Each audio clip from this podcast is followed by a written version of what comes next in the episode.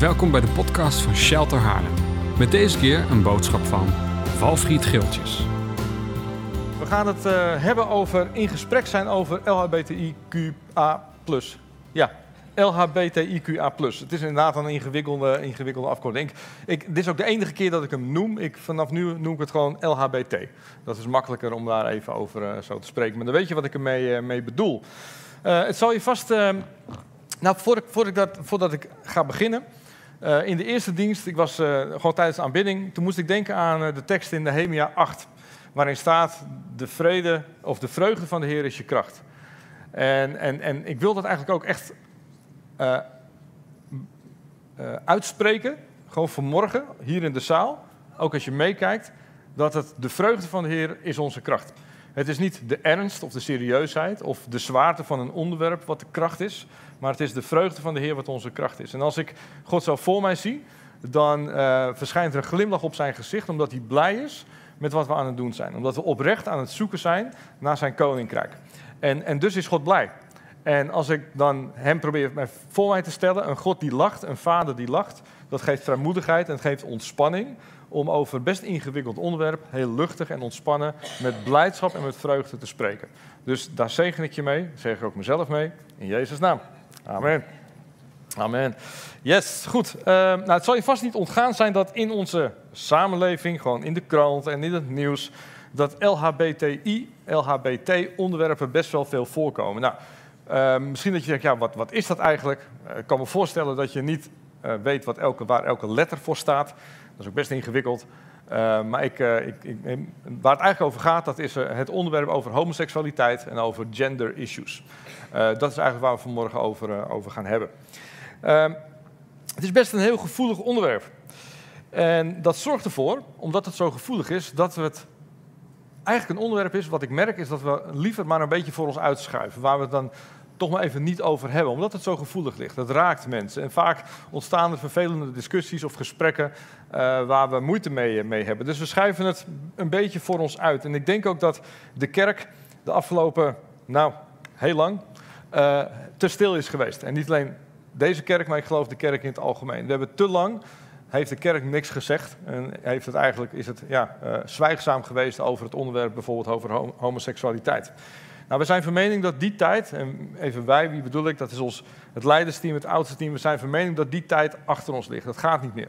Als je denkt dat homoseksualiteit en gender issues geen, uh, uh, geen invloed heeft, of niet speelt in de gemeente, uh, dan moet ik je echt teleurstellen, want het is wel zo. En, ik denk, nou goed, ik zei in de eerste dienst, het is naïef om te denken dat het hier niet speelt, want dat is wel zo. Um, en, en, en het is belangrijk dat we het uh, bespreekbaar maken. En het is beter dat we het aan het licht brengen dan dat we het stilzwijgen. Nou, dus we zeggen, van, daar moeten we iets mee. Dus daar zijn we mee aan de slag gegaan. Eigenlijk al een tijdje, uh, zo'n anderhalf jaar. Anderhalf jaar staat dit al op de agenda en daar heeft de gemiddelde gemeentelid amper iets van gemerkt. Uh, tot vandaag. En vandaag is ook, dus ook, het sluit bij aan bij wat Michiel zei, ook echt een, een nieuw geluid. er is hier nog, denk ik, nog niet heel veel over gesproken. Uh, we zijn daarmee bezig geweest de afgelopen anderhalf jaar en ik zal vanochtend ook daar wat meer over vertellen hoe dat er dan uitzag. Uh, misschien is het wel een van de grotere uitdagingen van de kerk in de 21ste eeuw om op een gezonde, fatsoenlijke manier, een koninklijke manier, met elkaar het gesprek aan te gaan over LHBT. Een enorme uitdaging. Um,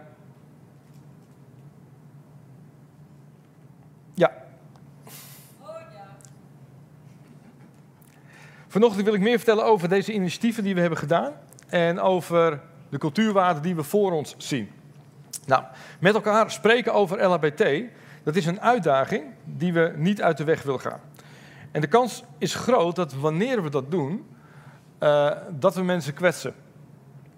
Uh, dat we mensen raken. En dat komt omdat LHBT is veel meer dan een onderwerp voor sommige mensen is LHBT veel meer dan een onderwerp en raakt het eigenlijk de kern van wie zij zijn. Zij koppelen dat ook direct aan hun identiteit en dat maakt het zo ingewikkeld. Dus op het moment dat je iets zegt over LHBT, uh, dan raakt dat mensen enorm en dat maakt het ingewikkeld. En de kans is dus groot als we erover gaan spreken met elkaar, dat we mensen kwetsen. Dat is niet wat we willen, maar daar ontkom je bijna niet aan. Ik heb het vergeleken in het Shelter Leidersteam met een verbouwing. Dus als je thuis een huis, als je in een eigen woning woont en je wil een uitbouw doen of een, een, dakkapel, wat dan ook, dan ontkom je niet aan stof. Als je zegt tegen een aannemer, of als je een aannemer zoekt van nou, ik wil wel een uitbouw, maar ik wil geen stof, dan wens ik je succes met zoeken. Want die twee die zijn onlosmakelijk verbonden met elkaar. Als je open gaat breken, als je iets gaat vernieuwen, als je uit gaat breiden, dan levert dat stof op. En dat is eigenlijk met dit onderwerp ook zo. Dus we, als we geen stof willen, dan zouden we ervoor kunnen kiezen om er maar niet over te praten, want dan heb je ook geen stof. Maar we hebben gezegd, nee, maar dat is geen optie. Het, het moet aan het licht komen. Het is belangrijk om daar in de openheid met elkaar over te spreken. En ja, dat heeft je dus als gevolg dat het stof oplevert. Oké, maar laten we dan daar niet bang voor zijn. Laten we het risico nemen en laten we kijken hoe gaan we dan met elkaar die verbouwing uitvoeren. Laat het ons niet ontmoedigen om vrijmoedig en met wijsheid aan de slag te gaan. Nou, we maken, uh, we maken het bespreekbaar omdat we geloven dat openheid altijd beter is dan zwijgen. De meeste vragen die ik krijg, als, als ik een mailtje krijg, en er zijn perioden geweest dat ik bijna elke week een mailtje kreeg hierover. Niet elke week, maar wel een, periode. En dan was het nou, 9 van de 10 keer, misschien nog wel vaker. Uh, was, was het eigenlijk direct een vraag, joh, hoe denk jij over homoseksualiteit? En de, mensen wilden weten, wat is je standpunt? Wat is je mening? Of er werd een vraag gesteld over, wat is het standpunt van Shelter? Nou, dat vind ik allemaal een hele ingewikkelde vraag. Want Shelter, dat is niet een instituut of een gebouw, maar wij zijn Shelter. Dus ik zou hier niet durven een statement af durven geven. Dit is wat wij denken over homoseksualiteit. Want het zal gelijk de zaal in tweeën splitten van mensen die het ermee eens zijn en mensen die het er niet mee eens zijn. Dus als die vraag gesteld wordt van hey, hoe sta je erin, wat is je mening, wat is je standpunt, hoe ga je om met... Um, ik heb besloten, en dat heb ik soms ook wel teruggegeven aan sommige mensen, ik ga je er niet antwoord op geven via een mailtje. Ga ik niet doen. Dat is misschien wel de makkelijkste manier, maar ik ga het niet doen. Um,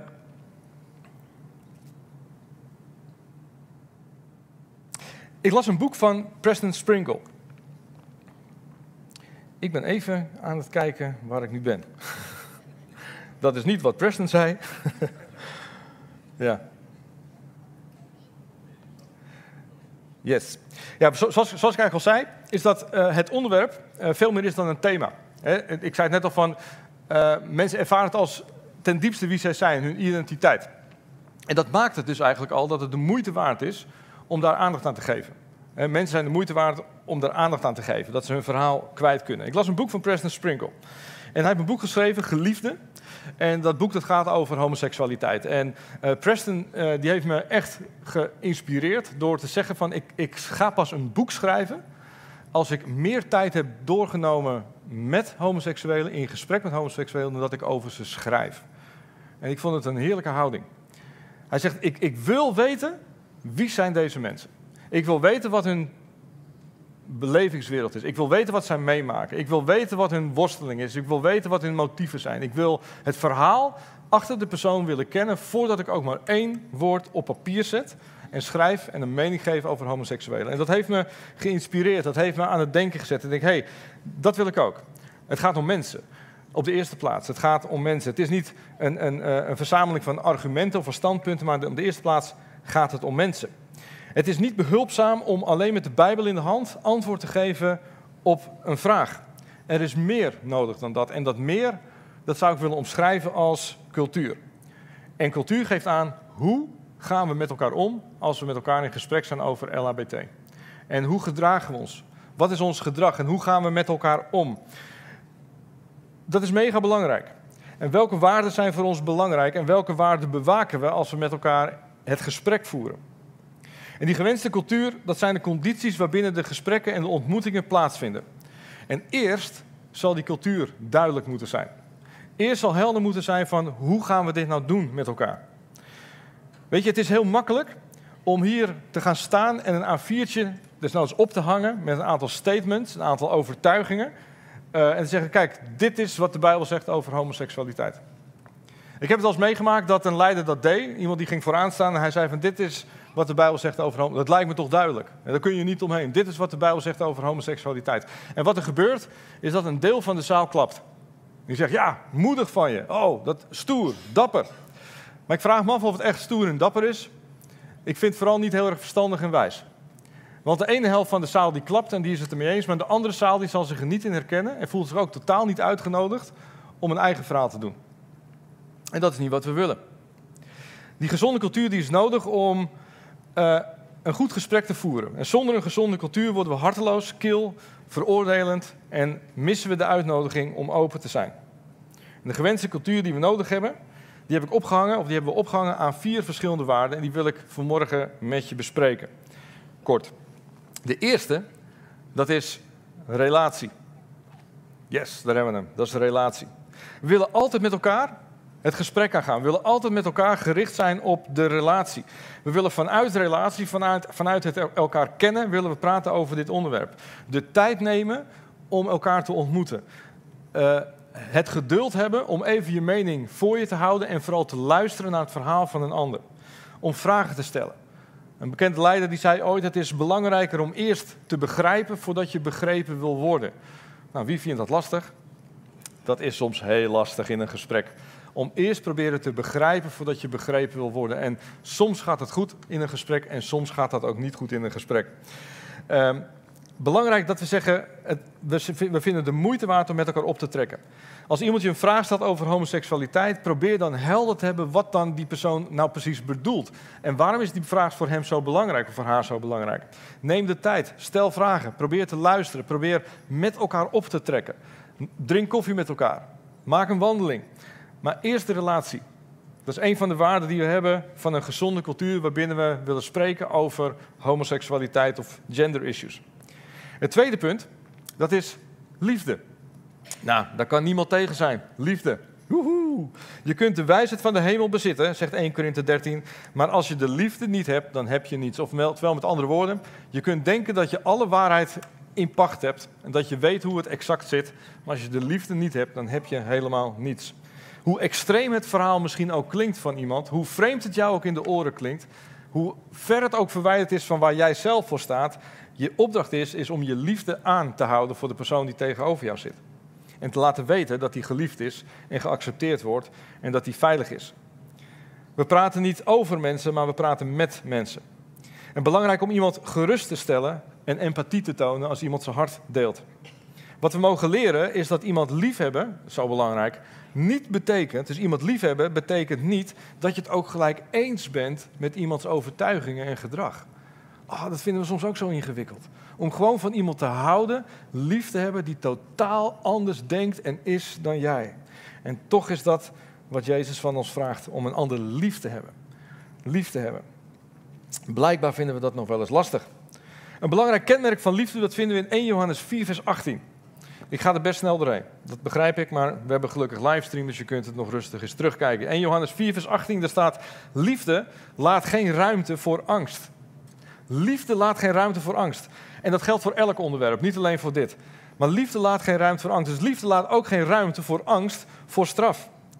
Weet je, ik heb de eenzaamheid gemerkt bij mensen die jarenlang worstelen um, met, eigenlijk met angst liepen. Ze van, want als ik het deel, als ik het vertel hier in, hier in een kerk of aan een leider of aan wie, wie dan ook, dan ben ik bang voor het oordeel wat gekomen. Dan ben ik bang voor de reactie. Maar deze tekst zegt, liefde laat geen ruimte voor angst. Onze, um, weet je, ik verlang ernaar dat shelter een plek wordt waar je niet gestraft wordt op het moment dat je eerlijk en open bent.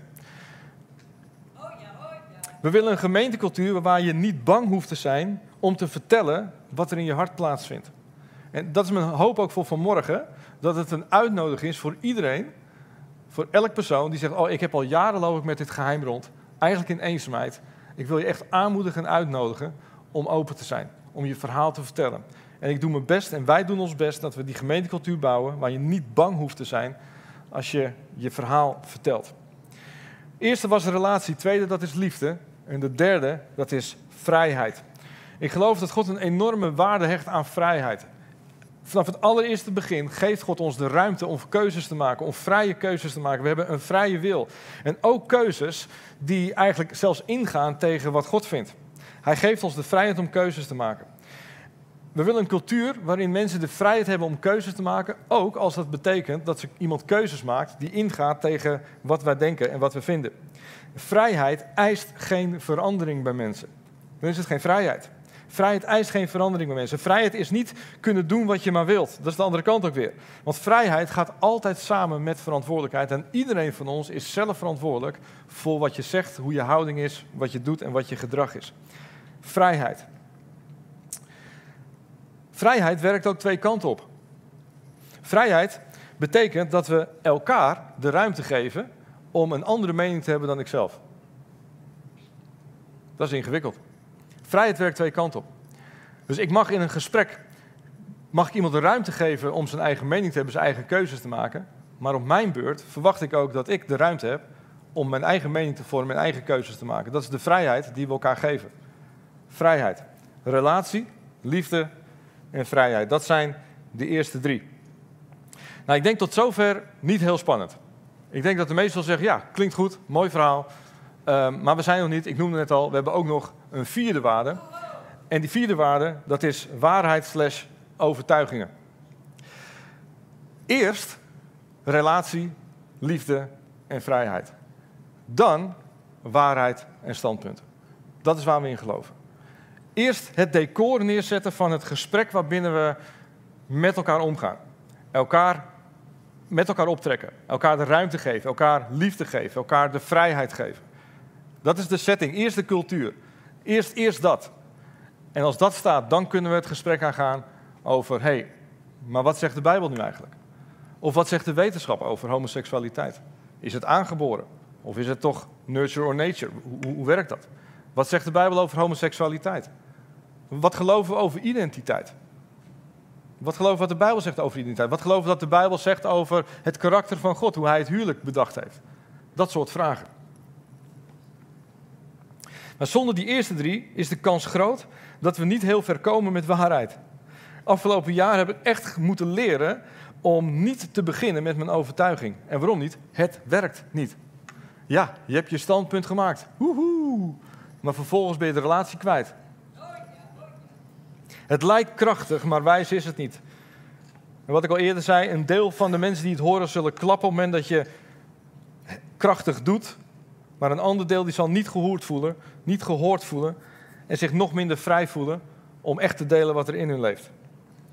Wanneer we iets willen zeggen over seksuele gerichtheid, dan is het belangrijk dat we het gesprek niet beginnen met waarheid. Maar het kan ook niet zo zijn dat we de lastige vragen voor het gemak maar even weglaten, omdat we het niet, de ander niet moeilijk willen maken. Het is deze combinatie van vier die het ingewikkeld maakt, maar waar we wel in geloven. We zullen de lastige vragen moeten bespreken met elkaar. Wat zegt de wetenschap, wat ik al eerder zei? Wat zegt de Bijbel? Wat laat de Bijbel zien van Gods hart? En naar ons idee zorgen deze vier waarden voor een gezond en evenwichtig klimaat om met elkaar het te hebben over seksuele gerichtheid. Oké, goed. Wat hebben we tot nu toe gedaan? Ik ga je gewoon even vertellen. We zijn hiermee begonnen anderhalf jaar geleden. Het is niet zo dat we in de zomer, afgelopen zomer dachten van... joh, laten we dit onderwerp eens bespreken. Nee, hier zijn we zorgvuldig mee omgegaan.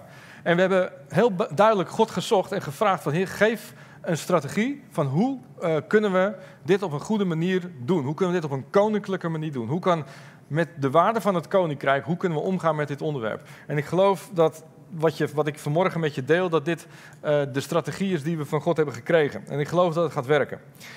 Um, anderhalf jaar geleden zijn we daarmee begonnen. We, zijn, we hebben het opgepakt. We zijn uh, begonnen met het gesprek aangaan in ons oudste team en in ons shelter leidersteam. Gewoon over het onderwerp praten. Wat zijn de lastige dingen? Wat, wat denken we? Hoe willen we? hoe willen we zijn als gemeente? We zijn begonnen met een kleine groep uh, van betrokkenen. Uh, van ouders en grootouders waarvan wij wisten of weten dat zij uh, te maken hadden met homoseksualiteit of gender issues in hun directe omgeving, hun gezin of in hun, in hun familie. en die mensen hebben uitgenodigd om bij elkaar te komen. Gewoon om aan tafel te zitten en vooral te luisteren naar het verhaal. En iedereen heeft gewoon zijn eigen of haar eigen verhaal kunnen doen en vertelt hoe ingewikkeld het is. Hoe um, de vragen die het oproept, de verwarring die het oproept, maar ook de eenzaamheid. Dat het gevoel van ik loop met iets waar ik eigenlijk heel graag over wil praten, maar er is bijna geen ruimte voor. En de meeste van wie we de reactie hebben gekregen zeiden: Wat is het fijn dat deze plek er is, om gewoon met elkaar hierover te kunnen hebben. En we hebben vooral geluisterd. We hebben eigenlijk de eerste twee momenten dat we bij elkaar waren, hebben we niets, bijna niets gedeeld over standpunten. Ik, ik, ik, volgens mij niks, maar goed, misschien dat ik me vergis. Maar eerst, eerst die eerste drie. Eerst relatie, eerst liefde, eerst vrijheid, weten wat elkaar, elkaar geven van dit is de setting waarbinnen we het gesprek voeren. En dan pas kunnen we het hebben over standpunten en overtuigingen. En die kleine groep die, die komt bij elkaar. In oktober wordt het de, de, derde keer dat deze groep bij elkaar komt. En dan zullen we het ook wat, ook wat meer hebben zeg maar, over dat punt 4. Um, en waarom zijn we die groep begonnen? Op de eerste plaats omdat we zeiden van we willen het uit de taboesfeer halen. Het is belangrijk om het bespreekbaar te maken met elkaar. En het tweede was ook om te kijken van uh, gaat dit werken? Gaat de aanpak die we op papier hebben staan, lukt dat om dat in de praktijk toe te passen? Dus gewoon ook een, een oefening, een, een, een leerschool. Ik heb er veel van geleerd, ik heb er veel van gezien. En uh, die ervaringen die nemen we ook weer mee naar de toekomst. We hebben meer gedaan. We zijn ook met de leiders van de Wild Saints van onze jeugd en met het Shelter Leidersteam hebben we een dag gehad, een training met een externe partij uh, die ons heeft meegenomen gewoon om ons te informeren over LHBTI. En, en, van hoe ga je daarmee om? En, en de worsteling van tieners. En um, er waren ook ervaringsdeskundigen. Er was, er waren, was een man, een homoseksueel, um, die er bewust voor koos om geen relatie aan te gaan. En er is een, een man die een getuigenis deelde dat hij um, zijn homoseksuele gevoelens had, maar dat op een gegeven moment God een wonder in zijn leven heeft gedaan. En dat hij uh, op dit moment ook getrouwd is met een, met, met een vrouw, uh, kinderen heeft. En hij, hij vertelt zijn getuigenis over hoe het voor hem was. Dus twee, twee verschillende uh, geluiden. We zijn met elkaar opgetrokken omdat we willen leren van, van anderen. Nou, dat is onder, onder andere wat we hebben gedaan. En wat ik daarnaast persoonlijk heb gedaan. Ik heb geleerd van Preston Springle en ik heb gezegd van weet je, ik wil gewoon in contact komen met homoseksuelen.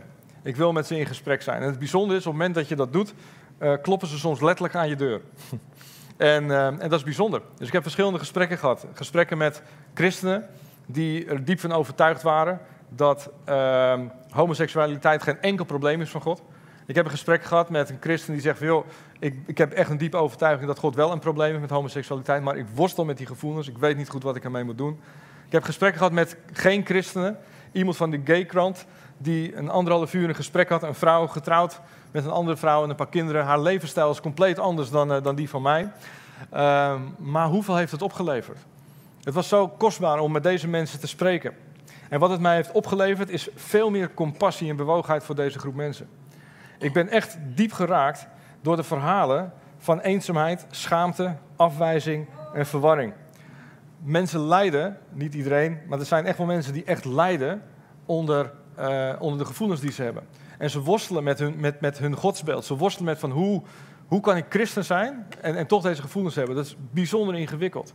En weet je wat het me ook heeft gebracht? Is dat ik veel minder snel ben geworden om mijn mening te geven. De behoefte om mijn standpunt op tafel te leggen, die is veel minder groot geworden. Omdat het gaat om mensen.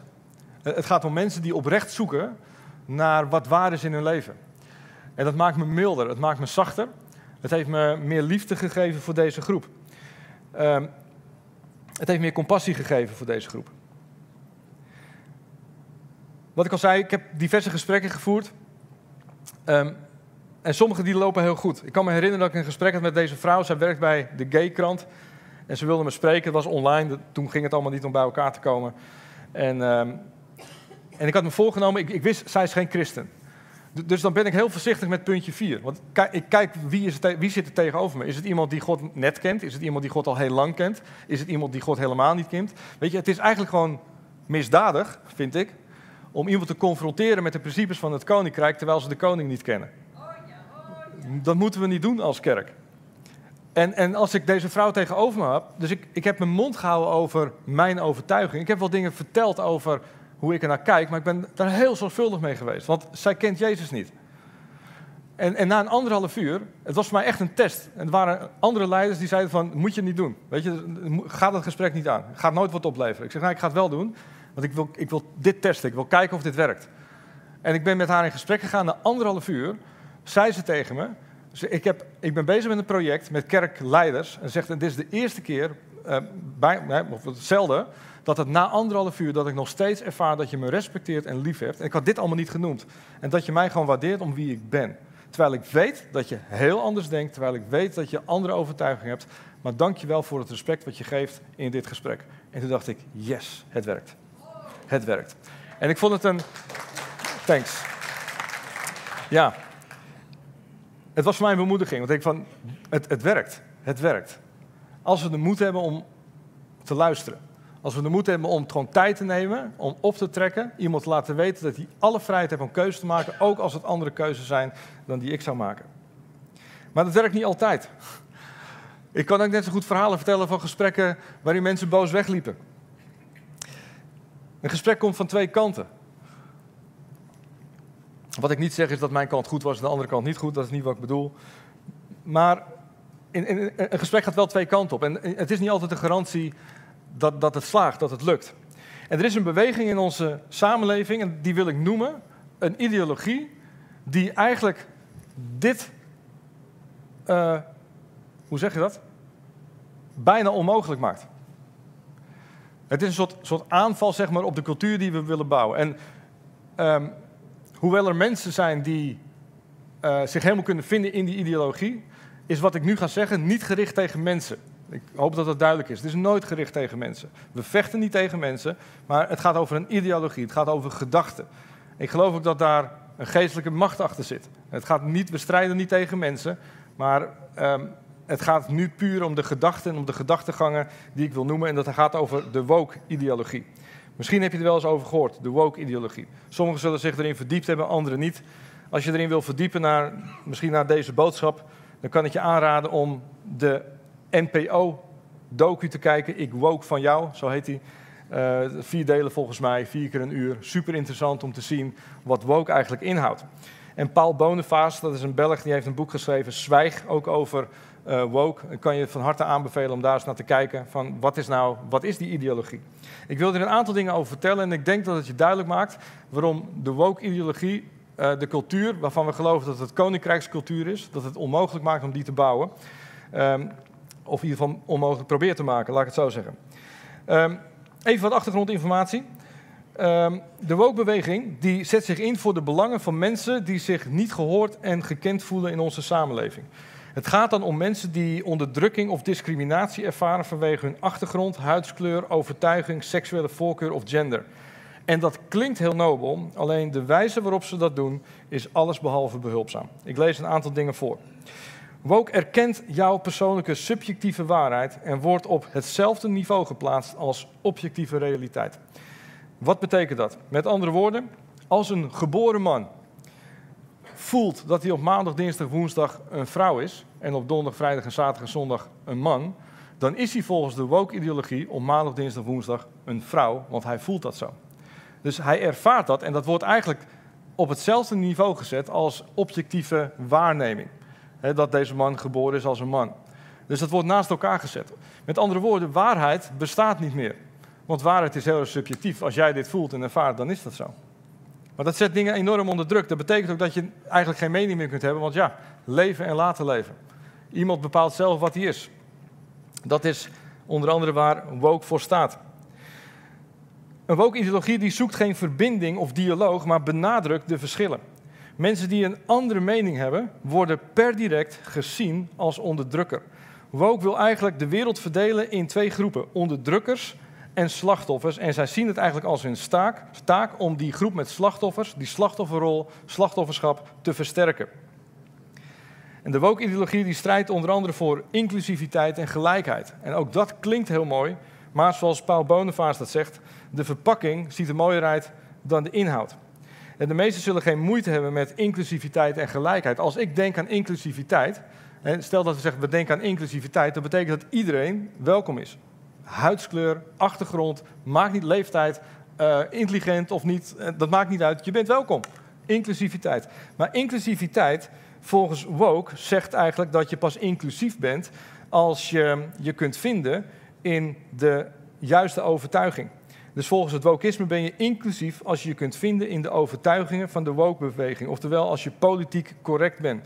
En iemand met een andere mening is niet inclusief, niet welkom en wordt gecanceld. Een ander punt van woke is dat ze zich inzetten voor gelijkheid. Ook weer hetzelfde verhaal. Het klinkt mooi, maar de inhoud is minder mooi. Met gelijkheid, volgens woke, wordt bedoeld gelijkheid in uitkomst. Oftewel, gelijkheid in mening. Elke ongelijkheid of meningsverschil ziet woke als discriminatie. Wat woke eigenlijk wil, is mensen met een ander geluid het zwijgen opleggen. Dus als, dit staat constant nog aan. Ik hoop dat je ziet hoe tegen eigenlijk de cultuur, dat, hoe tegen dat ingaat tegen de cultuur die we willen bouwen. Elke andere stem moet zwijgen. Iemand met een andere mening, die wordt gecanceld. De cancelcultuur. Een andere mening, die moet het zwijgen worden opgelegd. De woke-ideologie kent geen genade. Het is als een godsdienst die geen genade kent. Wie een ongewenste gedachte uit of een ongewenst woord gebruikt, wordt niet gevraagd naar iemands, of iemands intentie, maar zo'n persoon valt onmiddellijk ten prooi aan oordeel. Um, ik heb in die documentaire zag ik een voorbeeld. Gewoon in Nederland. Studenten van een Nederlandse universiteit. En ze zaten in een klein kamertje. Zes mensen, klein kringetje. En die verslaggever die vroeg van, wat doen jullie hier? Hij zegt, nou, we bespreken met elkaar uh, dingen in onze samenleving waar we ons zorgen over maken. Toen zei ze, maar waarom doe je dat in deze kleine groep? En toen zei een van deze van, we durven het niet meer in de collegezaal. Want als we in de collegezaal een politiek ongewenst antwoord geven, dan worden we gecanceld. Dan is het gelijk einde oefening. Dan worden we gezien als onderdrukkers, dan zijn we racisten, eh, dan zijn we discriminerend. Uh, er is geen ruimte om echt te vertellen wat wij denken wat er gaande is in de samenleving. En dus hebben we ons afgesloten in een klein groepje waar we ons veilig voelen waar het wel kan. En ik zag dat en ik denk van, maar dit klopt gewoon niet. De universiteit zou een plek moeten zijn, juist een plek moeten zijn waar jonge mensen openlijk kunnen vertellen wat ze denken, wat ze vinden, wat ze voelen en ervaren. En, en, en zij ervaren dus heel duidelijk inderdaad dat die ruimte er niet is. En dat klopt niet. Het is niet goed. De cancelcultuur van woke, de cancelcultuur die woke uitdraagt, zorgt ervoor dat mensen zich niet meer durven uit te spreken. Ze zijn bang voor de reactie. Het probleem met de woke-beweging is dat het een zwijgen op wil leggen aan iedereen met een andere mening. Maar dat is niet de cultuur die wij voor ogen hebben. We zijn met elkaar in gesprek. Dat betekent dat er altijd ruimte moet zijn voor elkaars mening en overtuiging. Wij gaan voor relatie, liefde, vrijheid. En als dat staat, dan gaan we verder met waarheid en overtuigingen. En die relatie, liefde, vrijheid is een wisselwerking tussen twee personen en wordt onderdrukt door het gedachtegoed van woke. Want relatie kan volgens woke alleen maar bestaan als je het eens bent met de ander. Liefde en vrijheid kan alleen maar worden ervaren volgens woke als je het eens bent met elkaar. Maar dit is niet waar. Dit is niet waar wij voor staan. En het is zo in strijd met de principes van Gods koninkrijk. Dit is niet wat Jezus uitleeft. Het evangelie van het koninkrijk geeft ons toe, waar, hoe, laat ons zien hoe het wel zit. Ik heb er vorige week over gesproken, over de wet van het nieuwe verbond. We hebben een nieuwe wet gekregen. We hebben een nieuw voorschrift gekregen. En wat was dat nieuwe voorschrift? Heb de ander lief zoals Jezus jou heeft lief gehad. Dat is onze missie. Heb de ander lief zoals Jezus jou heeft lief gehad. En hoe heeft Jezus jou dan lief gehad? Is Jezus het altijd met jou eens? Gaat hij altijd mee met jouw gevoel? Nee toch? Hij confronteert mij soms wel eens. Vaker zelfs. En denk ah, dit vind ik niet leuk om te horen. Maar, maar hij doet dat omdat hij van me houdt. Jezus zegt niet van, joh, hoe jij je voelt. Dat is, als dat werkelijk zou zijn, weet je, dan kan ik dat boek dan kan ik wel weggooien. Want ik heb me zo vaak heb ik me een loser gevoeld. Zo vaak ongeschikt gevoeld. En dat God zegt, oh, hoe je je voelt, dat ben je. Nee, zegt Jezus, je bent een krachtige held, zei hij tegen Gideon. Je bent een dappere held. Je bent een dappere held. De waarheid van God, die, die, die drukt soms op punten in ons hart wat, wat, wat, wat, wat iets raakt. Jezus die beweegt daar niet in mee. Nee, zijn woord die confronteert ons, maar hij geeft me ook de vrijheid om zelf keuzes te maken. Hij laat me zelfs vrij om keuzes te maken als, dat, als ik zo eigenwijs ben en gewoon inga tegen zijn, tegen zijn woord of inga tegen zijn advies, dan nog geeft hij me de vrijheid en nog kiest hij ervoor om altijd verbonden te zijn met mij. Want dat is wat hij belooft. Ik zal je nooit verlaten tot de laatste dag. Ik zal nooit bij je weggaan. Je, zijn geest die woont altijd in jou. En hij belooft altijd te werken aan die relatie en om jou lief te hebben. Hij zal je nooit alleen, laten en hij zal altijd van je houden. Ik was hier gisteren in gesprek met Maria en toen zei ze: Jezus was niet woke. En ik denk, precies. Jezus was niet woke. Jezus was, en dus zijn koninkrijk ook niet. En als onze opdracht is om eerst het koninkrijk te zoeken, dan is het niet een koninkrijk waar de woke-ideologie blij van wordt. Maar zo. Relatie, liefde, vrijheid en overtuigingen. En op diezelfde manier zoals Jezus van ons houdt, zo mogen wij van elkaar houden. Met elkaar doen we dat. Want weet je, dit gaat twee kanten op. Als je Jezus wil volgen, dan maakt het niet uit of je jezelf hetero, homo, bi, transgender of weet ik wat voelt. Jouw opdracht is om van de ander te houden zoals Jezus van jou houdt. En dus ruimte geeft voor een andere mening. En iemand laat zien dat je van hem houdt, ook al heeft iemand een andere mening. Jouw opdracht van ons allemaal, als je Jezus wil volgen, is om de ander lief te hebben zoals Jezus jou heeft liefgehad. Relatie, liefde, vrijheid en overtuiging. Dit is het raamwerk waarbinnen we de komende tijd het onderwerp verder willen bespreken. En ik wil je echt toestemming en ruimte geven. Als jij liefde, vrijheid of relatie mist in wat we doen, dan hoor ik dat graag van je. Want ik, ik pretendeer niet dat we foutloos deze weg zullen gaan. Er zal stof doen opwaaien. En als we iets zeggen of iets doen wat je raakt, dan hoor ik dat graag. Want dan kunnen we daarvan leren.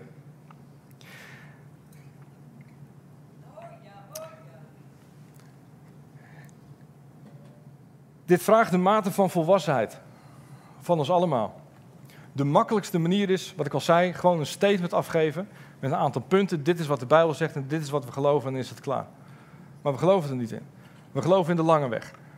En die lange weg, dat, duurt, dat, heeft tijd nodig. Dat is samen optrekken. Dat is echt samen optrekken. Dat is relaties bouwen. Dat is luisteren naar elkaar.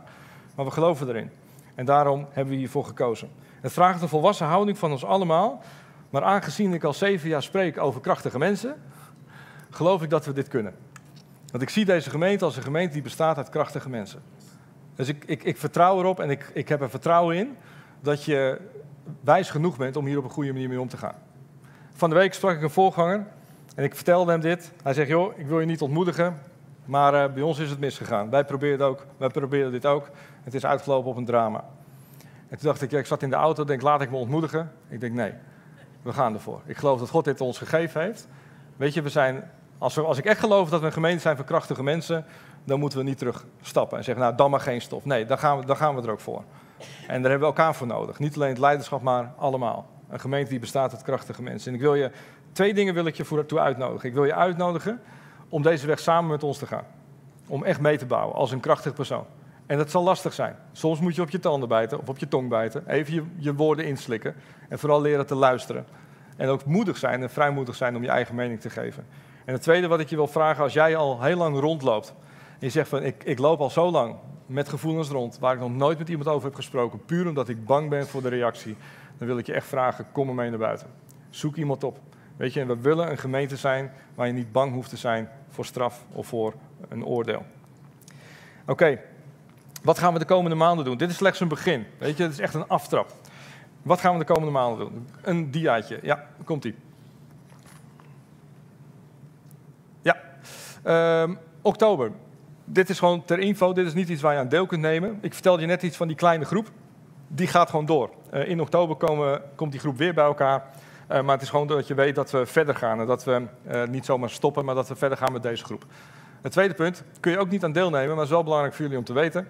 Is dat we als oudste team en als Shelter Leidersteam, dat we een nieuwe dag inplannen. Waarin we het, vorige keer hadden het over homoseksualiteit. En de komende keer gaan we het hebben over gender issues. Uh, we willen het bespreekbaar maken met elkaar. En, en leren van elkaar en horen en, en, ontdekken van hoe gaan we hier nou mee om. Dus we, we, rennen er niet voor weg, maar we pakken het aan. De volgende punten, daar kun je wel aan deelnemen.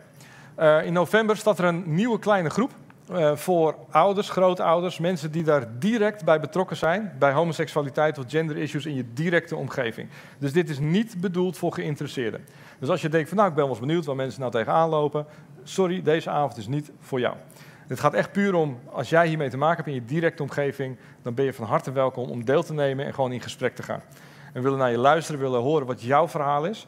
Er is uh, ruimte om je verhaal te doen, er is ruimte om van elkaar te horen. En we bewaken ook inderdaad de cultuur die ik je net heb uh, geschetst. Uh, als je denkt, hey, dit is voor mij, daar wil ik graag bij zijn, om welke reden dan ook, mag je contact opnemen met Michiel. En um, hoe heet dat? Dan ben je van harte, welkom. Um, als je zegt van oké, er komt ook nog een ander moment. Dat is wat later. Komt die in januari, uh, 16 januari, 16, 18, 18 januari. Ja. 18 januari. Ehm 18 januari is er een gemeenteavond waar we wat meer ingaat zeg op ehm, wat we als leidersteam team denken van "Oké, dit is wat wij geloven waar we. ehm, ehm, ehm, hoe- dit is onze standpunt over homoseksualiteit en, en gender issues. Ehm, en dus het gaat wat meer over de inhoud, punt 4. Misschien dat je denkt van, jongen, wat duurt het lang? Januari lijkt het zo ver weg. Ja, dat klopt. Ehm, maar als we zeggen dat we die eerste drie stappen eerst willen doen, dan moeten we dat ook doen. Want het is heel makkelijk om in oktober al een avond in te plannen, maar dan eigenlijk doen we niet wat we wel vertellen. Dus vandaar dat we zeggen van nee, eerst die kleine groep bij elkaar, eerst de ruimte geven, gewoon je verhaal te doen. En dan hebben we pas in januari hebben we deze avond. En tot slot komt er nog een moment in maart.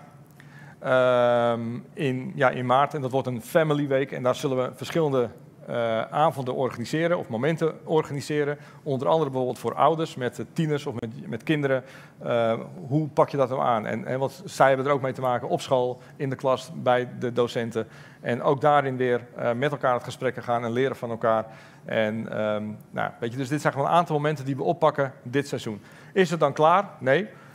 Maar daarna zien we wel weer verder. We hebben gezien, oké, eerst dit jaar, dit zijn een aantal eikpunten. En daarna pakken we de draad op en dan zien we wat nodig is. En eh, waar nog meer eh, behoefte aan, aan is om verder te gaan. Maar, maar ik hoop dat het duidelijk is dat we ermee aan de slag gaan. Met elkaar. En daar hebben we elkaar voor nodig. Ik zou willen vragen, ehm, als jij hier zit en je denkt van ja, ik wil hier aan meebouwen, aan deze cultuur, dan wil ik vragen of je wil gaan staan.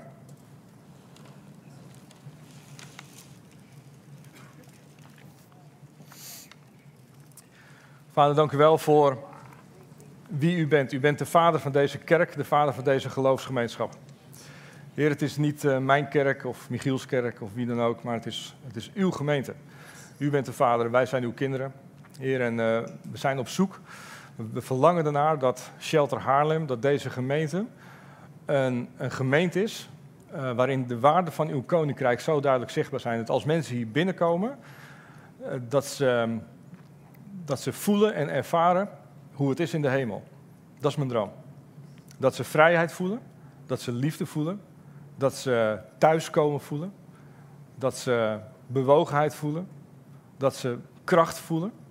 Heer, dat daar heelheid is, dat daar puurheid is. Heer, dat is ons verlangen. Heer, en daar zijn we naar op zoek. En ik ben u dankbaar dat u deze punten heeft gegeven. Maar dit is iets niet wat we als leiders alleen kunnen doen. Dit, dit moeten we met elkaar doen. En daarom ben ik dankbaar voor de mensen die zijn gaan staan. Zeggen, ja, we willen meebouwen aan deze cultuur. En is het al helemaal klaar? Nee, het is leren, het is ontdekken. Maar we willen deze weg willen we ingaan. En Heilige Geest, we nodigen u, u hierin uit. Dat u ons wijsheid geeft, ons allemaal. Dat u ons wijsheid geeft over hoe we de gesprekken aan moeten gaan. En niet alleen met de activiteiten binnen de gemeente, maar ook aan de keukentafel. Ook op kantoor.